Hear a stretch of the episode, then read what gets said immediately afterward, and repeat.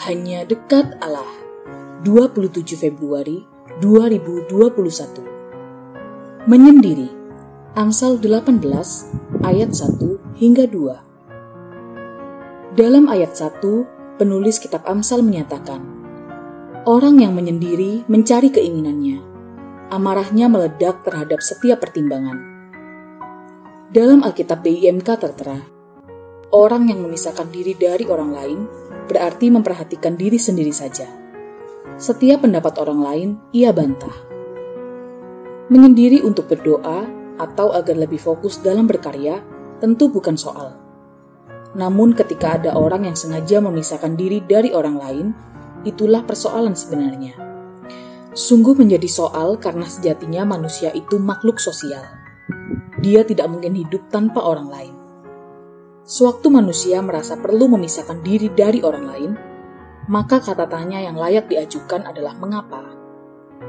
Ya, mengapa memisahkan diri dari orang lain?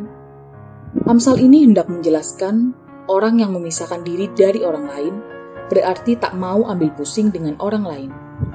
Dia lebih suka fokus kepada dirinya sendiri.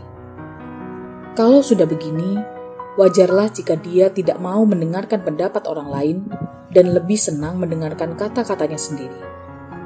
Mengapa? Sebab dia menganggap pendapatnya lah yang paling benar. Kalau sudah demikian, mengapa pula dia harus mendengarkan orang lain?